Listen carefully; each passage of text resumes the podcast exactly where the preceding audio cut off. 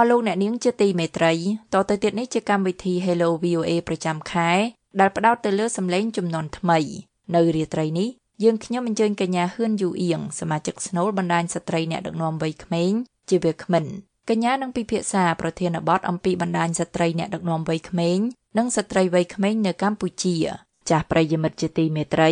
ដើម្បីការពារការឆ្លងរាតត្បាតនៃជំងឺ Covid-19 បុគ្គលិក VOA បានបដូរមកធ្វើការងារពីផ្ទះ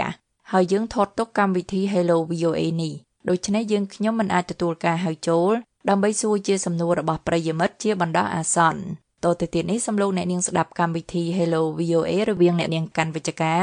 ដែលជាអ្នកសម្របសម្រួលកម្មវិធី Hello VOA នៅរាត្រីនេះជាមួយនឹងកញ្ញាហ៊ឿនយូអៀងដូចតទៅចាសសូមជម្រាបសួរលោកនាងដែលកំពុងតាមដានស្ដាប់កម្មវិធី Hello VOA សំឡេងចំនួនថ្មីដែលមាននាងខ្ញុំកាន់វិជ្ជការជាអ្នកសម្របសម្រួលនៅរាជធានីភ្នំពេញ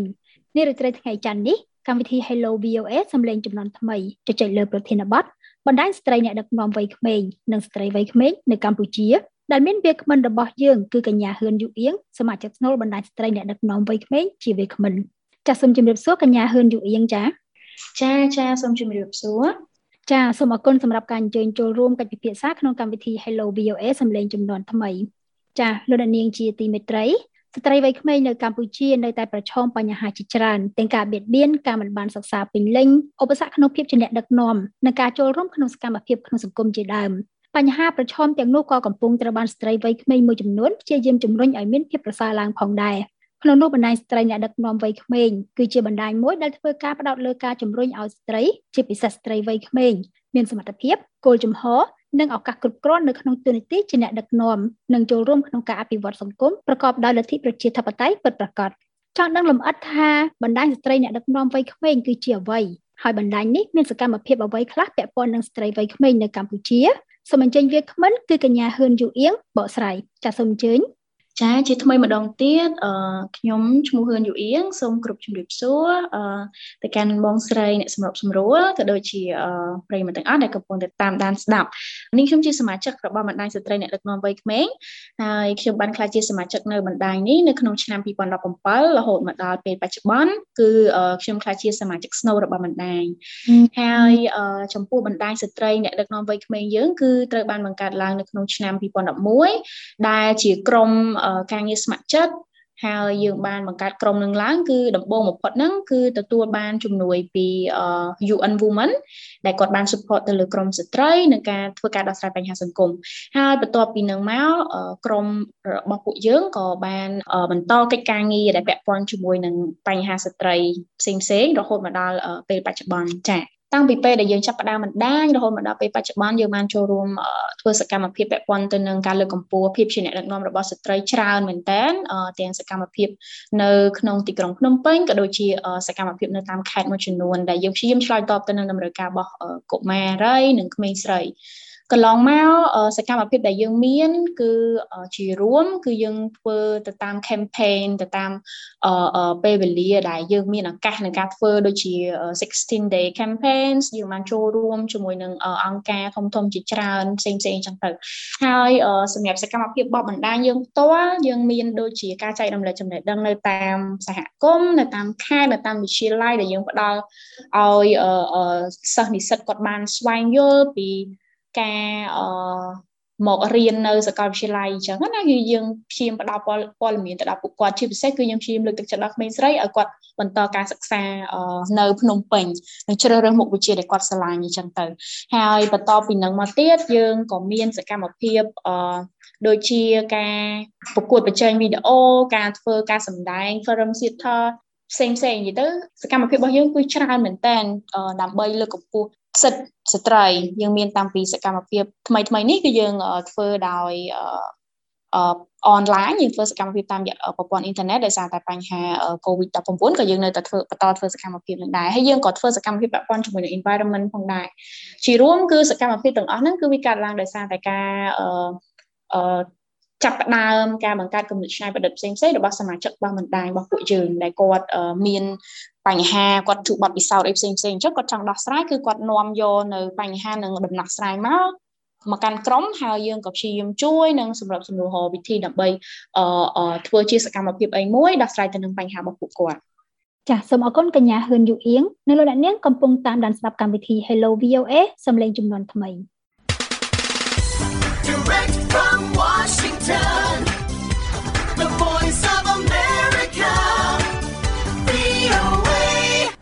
ចាលោកអ្នកនាងជាទីមេត្រី Hello VOA សំឡេងចំនួនថ្មីនៅរាត្រីថ្ងៃច័ន្ទនេះពិភាក្សាពីប្រធានបទបណ្ដាញស្ត្រីអ្នកដឹកនាំវ័យក្មេងនិងស្ត្រីវ័យក្មេងនៅកម្ពុជាដែលមានកញ្ញាហ៊ឿនយូអៀងសមាជិកស្នូលបណ្ដាញស្ត្រីអ្នកដឹកនាំវ័យក្មេងជាវាគ្មិនចា៎ យូអៀងបានលើកឡើងរួចហើយថាបណ្ដាញស្ត្រីអ្នកដឹកនាំវ័យក្មេងនេះគឺជាក្រុមស្ម័គ្រចិត្តដែលធ្វើការងារជំរុញឲ្យស្ត្រីវ័យក្មេងទទួលបានការសិក្សាហើយនឹងធ្វើជាអ្នកដឹកនាំខ្ញុំសូមឲ្យយូអៀងបន្ថែមបន្តិចថាតើបណ្ដាញនេះមានសមាជិកប៉ុន្មានអ្នកហើយសមាជិកទាំងនោះធ្វើអ្វីខ្លះដែរនៅក្នុងពេលបច្ចុប្បន្នចា៎ចាអឺ សម្រាប់បណ្ដាញស្ត្រីអ្នកដឹកនាំវ័យក្មេងគឺបច្ចុប្បន្នយើងមានសមាជិកចំនួន40នាក់គិតត្រឹមឆ្នាំ2021ហើយសមាជិកនៃបណ្ដាញស្ត្រីអ្នកដឹកនាំវ័យក្មេងហ្នឹងគឺយើងមានចម្រុះមានន័យថាយើងមានទាំងបុរសយើងមានទាំងស្ត្រីវ័យក្មេងហើយយើងមានទាំងអ្នកដែលគាត់មកពីស្ថាប័នចម្រុះដូចជាអ្នកខ្លះគាត់ធ្វើការនៅ អង្គការក្រៅរដ្ឋាភិបាលហើយអ្នកខ្លះក៏ជាមន្ត្រីរាជការនៅ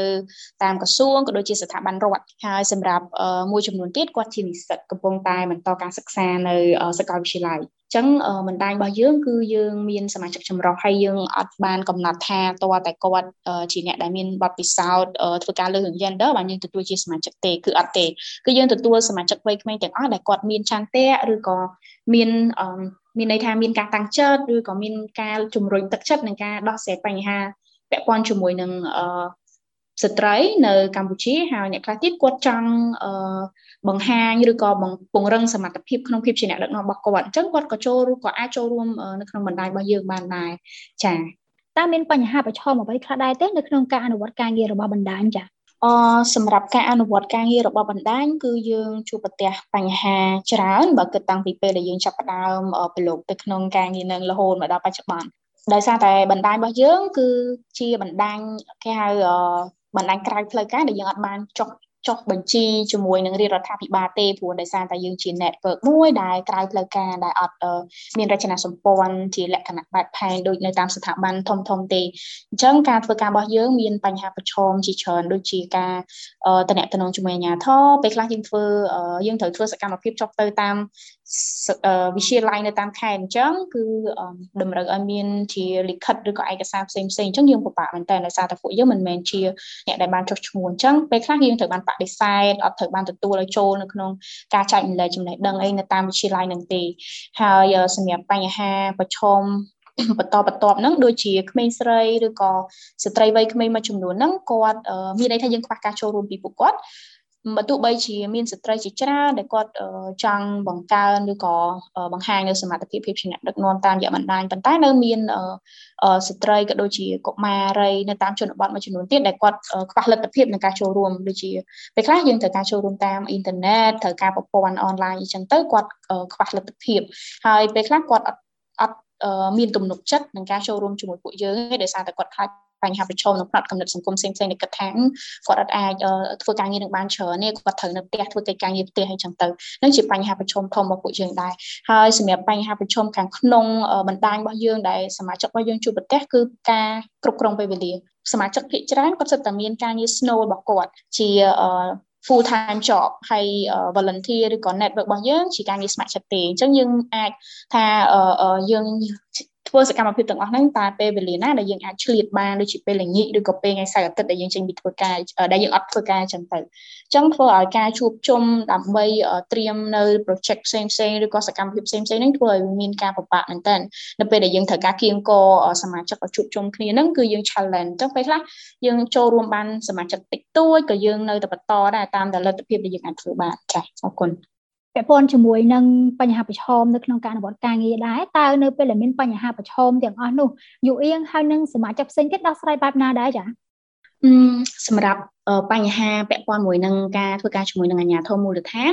គឺយើងព្យាយាមពយល់ពួកគាត់ឲ្យបានយល់ពីបណ្ដាញរបស់យើង យើងដូចជាក្រុមស្ម័គ្រចិត្តមួយដែលយើងធ្វើការងារជួយទៅដល់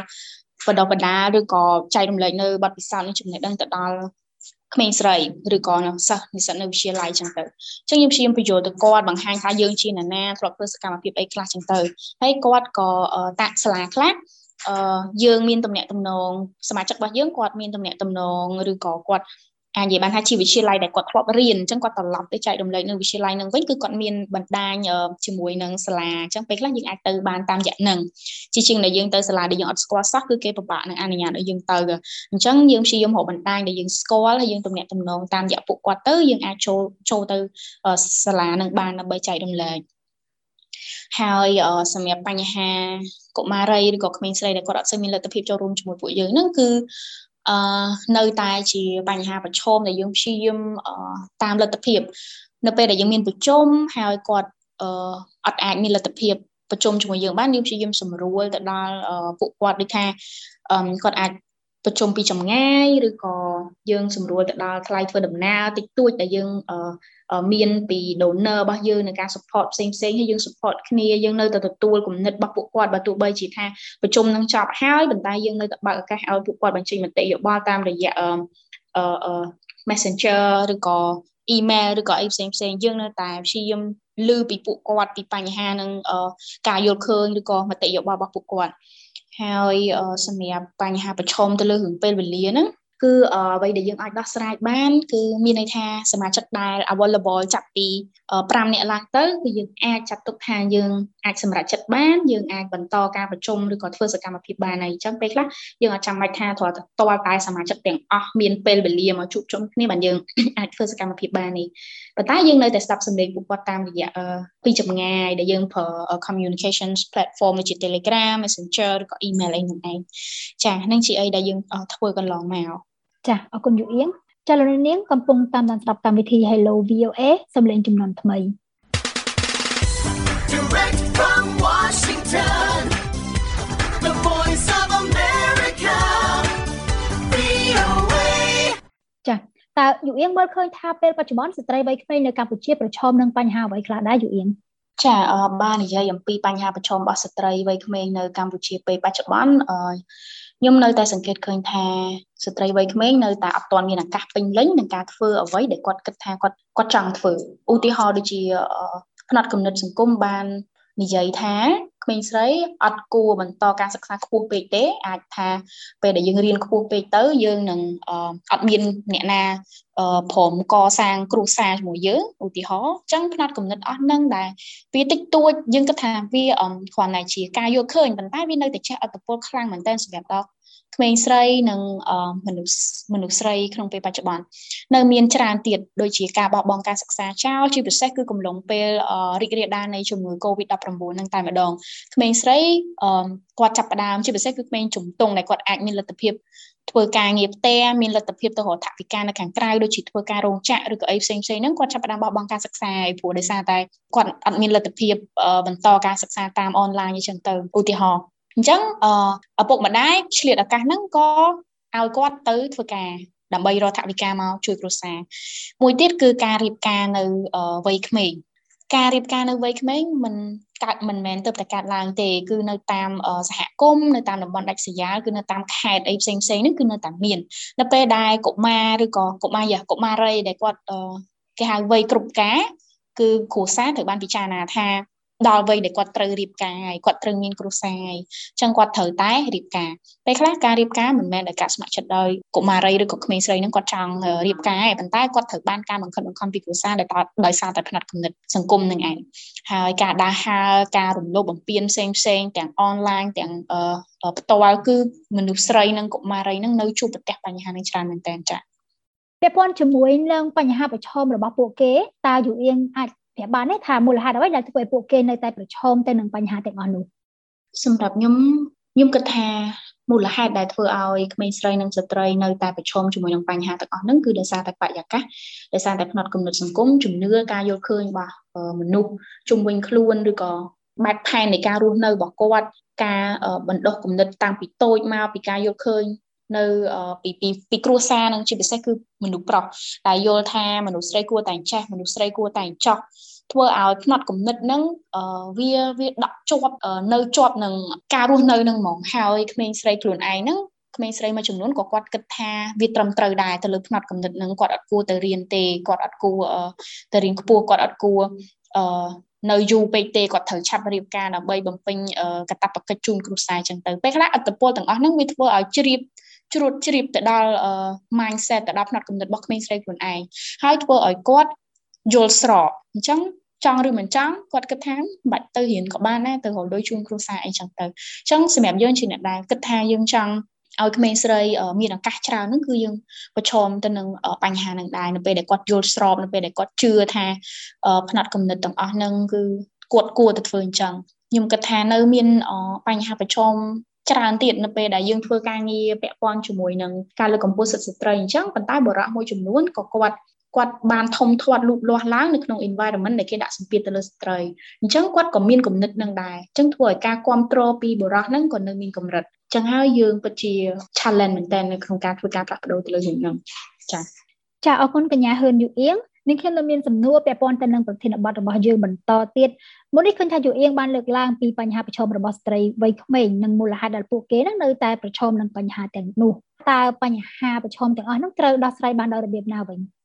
អឺបាននិយាយអំពីដំណាក់ស្រាយខ្ញុំបានសង្កេតឃើញថាមានអង្គការក្រៅរដ្ឋាភិបាលជាច្រើនដែលព្យាយាម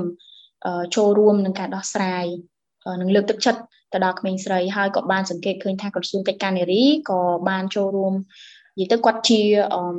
ផ្នែកមួយដ៏សំខាន់មែនទែននៅក្នុងការជំរុញឲ្យមានការផ្លាស់ប្ដូរទៅលើបញ្ហាហ្នឹងហើយក៏យើងបានឃើញថាគាត់ចាប់ផ្ដើមមានសកម្មភាពជាច្រើននៅលើកម្ពុជាទៅដល់ស្ត្រីក៏ដូចជាក្មេងស្រី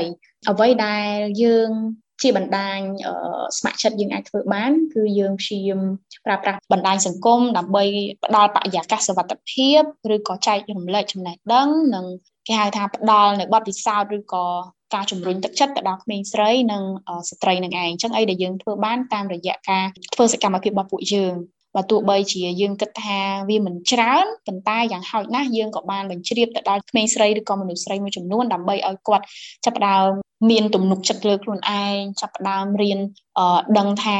ចាប់ផ្ដើមមានអារម្មណ៍ថាកន្លែងណាដែលមានសម្ពាធហើយមនុស្សស្រីគួរតែចាប់ផ្ដើមធ្វើអីហើយចាប់ផ្ដើមចង់បន្តការសិក្សាដោយសារតែនៅក្នុងបណ្ដាញយើងក៏មានសមាជិកដែលគាត់ជាសមាជិកគំរូគាត់មានការងារក្នុងភាពជាអ្នកដឹកនាំគាត់ជាអ្នកដឹកនាំគេនៅក្នុងស្ថាប័នមួយគាត់ជាអ្នកជាបុគ្គលគំរូដែលអាចបង្ហាញទៅក្មេងស្រីឬក៏កុមារីផ្សេងផ្សេងទៀតដើម្បីឲ្យឃើញថាយើងមនុស្សស្រីក៏យើងអាចធ្វើការងារជាអ្នកដឹកនាំបានដែរហើយយើងក៏ផ្ដល់ចែករំលែកនៅចំណេះដឹងដូចថ្មីថ្មីនេះយើងបាន ធ្វើសកម្មភាពមួយពាក់ព័ន្ធជាមួយនឹងការបៀតបៀនផ្លូវភេទលើវេទិកាអនឡាញអញ្ចឹងវាជាការចូលរួមចំណែកមួយដើម្បីឲ្យកុមារីនិងក្មេងស្រីបានដឹងឮថាវាជាបញ្ហាហើយគួរតែដោះស្រាយគួរតែការពារខ្លួនបែបម៉េចប៉ុន្តែយើងនៅតែមានចន្លោះប្រហោងយើងនៅតែបន្តការងារនឹងច្រើនទៀតព្រោះវាជាបញ្ហាដែលយើងមិនងាយថានឹងអាចដោះស្រាយបានងាយងាយចា៎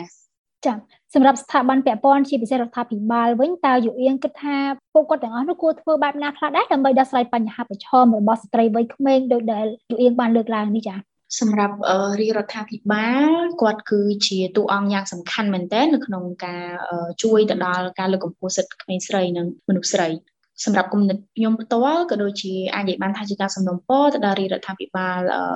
នៅក្នុងនឹងដែរគាត់គួរតែពិចារណានៅក្នុងការលើកកម្ពស់ភាពជាអ្នកដឹកនាំទៅដល់ក្មេងស្រីនិងស្ត្រីជំរុញទឹកចិត្តពួកគាត់ឲ្យពួកគាត់មានការតាំងចិត្តមានទំនុកចិត្តនៅលើខ្លួនឯងមានឱកាសច្រើននៅក្នុងការធ្វើការងារជាអ្នកដឹកនាំអញ្ចឹងរាជរដ្ឋាភិបាលគួរតែបង្កើតនៅឱកាសផ្សេងផ្សេងដើម្បីឲ្យស្ត្រីហ្នឹងក៏អាចក្លាយទៅជាអ្នកដឹកនាំនៅក្នុងនឹងបានជាជាអ្នកដឹកនាំដែលអាចនាំសម្លេងស្ត្រីជាច្រើនទៀតយកទៅដោះស្រាយហើយអាចថាមានគោលការណ៍ឬក៏គោលនយោបាយជាក់លាក់ណាមួយដើម្បីដោះស្រាយទៅលើបញ្ហាដូចជាឧទាហរណ៍បញ្ហាបៀតបៀនផ្លូវភេទតាមរយៈបណ្ដាញសង្គមឬក៏អីផ្សេងផ្សេងជាដើមព្រោះថាយើងនៅសពេចសពិលថាតើមានច្បាប់ជាក់លាក់ណាមួយដែលការពារក្មេងស្រីឬក៏ស្ត្រីពីការបៀតបៀនតាមប្រព័ន្ធអនឡាញហ្នឹងយើងមានច្បាប់ព្រហ្មទណ្ឌឬក៏ គេហៅការការពារទៅលើការបៀតបៀនកេរខ្មាស់អីផ្សេងផ្សេងយើងមានច្បាប់ហ្នឹងប៉ុន្តែយើងអត់ច្បាស់ថានៅក្នុងហ្នឹងតើបានចែងអំពីការបៀតបៀនតាមប្រព័ន្ធអនឡាញឬក៏យ៉ាងណាអញ្ចឹងរាជរដ្ឋាភិបាលគឺជាតួអង្គដូចខ្ញុំបាននិយាយពីមុនអញ្ចឹងគឺជាតួអង្គសំខាន់ដែលគាត់ត្រូវពិនិត្យមើលទៅលើបញ្ហាជាច្រើនរបស់មនុស្សស្រីនិងស្ត្រីជាពិសេសគឺបញ្ហាដែលវាធ្វើឲ្យមនុស្សស្រីបាត់បង់ឱកាសបាត់បង់ potential បាត់បង់សក្តានុពលរបស់គាត់ណាចា ចាយើងមើលឃើញថាយូអៀងមិញគឺបានលើកឡើងច្រើនពាក់ព័ន្ធជាមួយនឹងបញ្ហារបស់ស្ត្រីវ័យក្មេងហើយក៏ដូចជាការដោះស្រាយអីផ្សេងផ្សេងចុះបើសិនជាបញ្ហាទាំងនោះនៅតែបន្តដែលមិនមានការដោះស្រាយតើនឹងមានបញ្ហាអ្វីកើតឡើងចំពោះស្ត្រីវ័យក្មេងហើយនឹងសង្គមកម្ពុជាយើងចាបើសិនបើបញ្ហាទាំងអស់នឹងនៅតែបន្តកើតឡើងស្ត្រីវ័យក្មេងនិងកុមារីក្មេងស្រីគឺបញ្ហានឹងកាន់តែពិបាកសម្រាប់គាត់ នៅពេលដែលគាត់បោះបង់ការសិក្សានៅពេលដែលគាត់រងការរំលោភបំពាននៅពេលដែលគាត់ត្រូវរៀបការនៅអាយុវ័យក្មេងអញ្ចឹងសង្គមនឹងបាត់បង់ផ្នែកមួយ potential ឬក៏សក្តានុពលមួយរបស់ក្មេងស្រីនៅក្នុងការចូលរួមអភិវឌ្ឍសង្គមនៅពេលដែលគាត់លះបង់ឬក៏នៅពេលដែលគាត់អត់ទទួលបានការអប់រំខ្ពង់ខ្ពស់នៅពេលដែលគាត់អត់បានចូលរួមសម្រាប់ចិត្តនៅក្នុងជួររាជរដ្ឋាភិបាលឬក៏ជាថ្នាក់ដឹកនាំអីផ្សេងផ្សេងអញ្ចឹង មិនថាថ្នាក់ដឹកនាំឬក៏ស្ថាប័នឬក៏កន្លែងហ្នឹងឯងគឺនឹងបាត់បង់ធនធានដ៏ល្អម្នាក់ឯងធនធានដ៏ល្អមួយឯងអញ្ចឹងក្មេងស្រីនិងកុមារីគឺអាចខ្លាចទៅជាអ្នកដឹកនាំគឺអាចមានសក្តានុពលជាច្រើន ដែលយើងមើលអត់ដឹងថានៅក្នុងខ្លួនគាត់គាត់មានសមត្ថភាពប៉ុណ្ណាអញ្ចឹងនៅពេលដែលបញ្ហានឹងកើតឡើងគាត់បោះបង់ឱកាសទាំងអស់ហ្នឹងឯងគាត់បាត់បង់ឱកាសទាំងអស់ហ្នឹងឯងអញ្ចឹងសង្គមមួយតើអាចអភិវឌ្ឍទៅមុខដោយរបៀបណាបើសិនជាអត់មានការចូលរួមពីស្ត្រីឬក៏ពី គេហៅថាអត់អត់មានការចូលរួមគ្រប់គ្រាន់អត់មានសម្លេងគ្រប់គ្រាន់ពីពួកគាត់ចាជាចុងក្រោយយូអៀងមានអ្វីជាការផ្ដាំផ្ញើទៅអ្នកពាក់ព័ន្ធលើប្រធានបទរបស់យើងចាអឺជាចុងក្រោយនាងខ្ញុំសូមសំណូមពរទៅដល់រាជរដ្ឋាភិបាលជាពិសេសក៏ដូចជាអង្គការក្រៅរដ្ឋាភិបាលដែលធ្វើការពាក់ព័ន្ធជាមួយនឹងការលើកកម្ពស់សិទ្ធិកុមារីក៏ដូចជាការជំរុញទឹកចិត្តទៅដល់ក្មេងស្រីហើយខ្ញុំក៏ចាប់អារម្មណ៍ឃើញថាមានអ្នកដែលមានឥទ្ធិពលនៅលើបណ្ដាញសង្គម មួយចំនួនក៏គាត់កំពុងតែព្យាយាមជំរុញទឹកចិត្តក៏ដូចជាចែករំលែកនូវចំណេះដឹងជាច្រើនទៅដល់ក្មេងស្រីនិងកុមារីអញ្ចឹងអឺសម្រាប់អ្នកដែលកំពុងតែធ្វើការយ៉ាងសកម្មទៅលើរឿងហ្នឹងខ្ញុំសូមសំណូមពរឲ្យនៅតែបន្តការងារនឹងបន្តការងារជួយទៅដល់កុមារី បន្តគ្រប់គ្រងពួកគាត់បន្តផ្ដល់បរិយាកាសដែលមានសុវត្ថិភាពទៅដល់ពួកគាត់ហើយ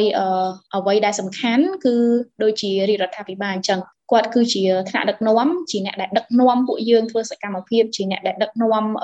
អង្គការឬក៏ធ្វើសកម្មភាពផ្សេងៗដែលដោះស្រាយទៅនឹងបញ្ហាស្ត្រីបញ្ហាក៏ប៉ុន្តែជាក់ស្ដែងគឺគាត់កំពុងតែធ្វើសកម្មភាពហ្នឹងឯងហើយបើទោះបីជាមានការរីករាលដាលនៃជំងឺ Covid-19 ក៏គាត់នៅតែបន្តធ្វើការងារតាមរយៈបណ្ដាញសង្គមឬក៏តាមរយៈប្រព័ន្ធអ៊ីនធឺណិតផ្សេងៗអញ្ចឹងខ្ញុំសំណូមពរឲ្យគាត់នៅតែបន្តធ្វើការងារហ្នឹងនិងបញ្ជ្រាបបន្ថែមទៅលើបញ្ហាជាច្រើនដូចជាជាពិសេសគឺការបៀតបៀនផ្លូវភេទនៅលើប្រព័ន្ធអ៊ីនធឺណិតនឹងតែម្ដងព្រោះដោយសារតែវាកំពុងតែជាបញ្ហាក្តៅមួយដែរហើយបញ្ហាមួយទៀតគឺការតែកុមារីឬក៏ក្មេងស្រីត្រូវបានគេរំលោភបំពានខ្ញុំនៅតែឃើញមានបញ្ហាហ្នឹងអញ្ចឹងសូមឲ្យរាជរដ្ឋាភិបាលយកចិត្តទុកដាក់ពង្រឹងទៅលើផ្នែកច្បាប់ជាពិសេសគឺដាក់ទោសអ្នកដែលប្រព្រឹត្តនឹងតែម្ដងជាជាងដែលឲ្យសង្គមឃើញថាមនុស្សស្រីជាជនរងគ្រោះហើយ ជាអ្នកដែលត្រូវគេបន្ទោសបន្ថែមទៀតអញ្ចឹងហេតុអីយើងមិនពង្រឹងផ្នែកច្បាប់ដើម្បីដាក់ទោសជនដែលប្រព្រឹត្តដើម្បីឲ្យគាត់ញញើតនឹងការធ្វើសកម្មភាពនឹងការបៀតបៀនគឺកម្មលោបំពានអីផ្សេងផ្សេងហ្នឹងចាសូមអរគុណហើយអរគុណបងដែរដែលផ្ដល់ឱកាសសម្រាប់បណ្ដាញស្ត្រីអ្នកដឹកនាំវ័យក្មេងដើម្បីបង្ហាញឲ្យសាធារណជនដឹងថាយើងកំពុងតែធ្វើការងារអីខ្លះហើយយើងជាអ្នកណាចា ចាសសូមអរគុណកញ្ញាហ៊ឿនយូអៀងសមាជិកស្នូលបណ្ដាញស្ត្រីអ្នកដឹកនាំវ័យក្មេងដែលបានបកស្រាយយ៉ាងក្បោះក្បាយក្នុងកម្មវិធី Hello VOA សម្លេងចំនួនថ្មីពាក់ព័ន្ធនឹងប្រធានបទបណ្ដាញស្ត្រីអ្នកដឹកនាំវ័យក្មេងនិងស្ត្រីវ័យក្មេងនៅកម្ពុជានាងខ្ញុំក៏សូមអរគុណប្រិយមិត្តអ្នកតាមដានស្ដាប់ទាំងអស់ហើយបើមានកំហុសឆ្គងដោយអចេតនាណាមួយនាងខ្ញុំនិងវាគ្មិនសូមខន្តីអភ័យទោសពីប្រិយមិត្តសម្រាប់ពេលនេះនាងខ្ញុំនិងវាគ្មិនសូមជម្រាបលា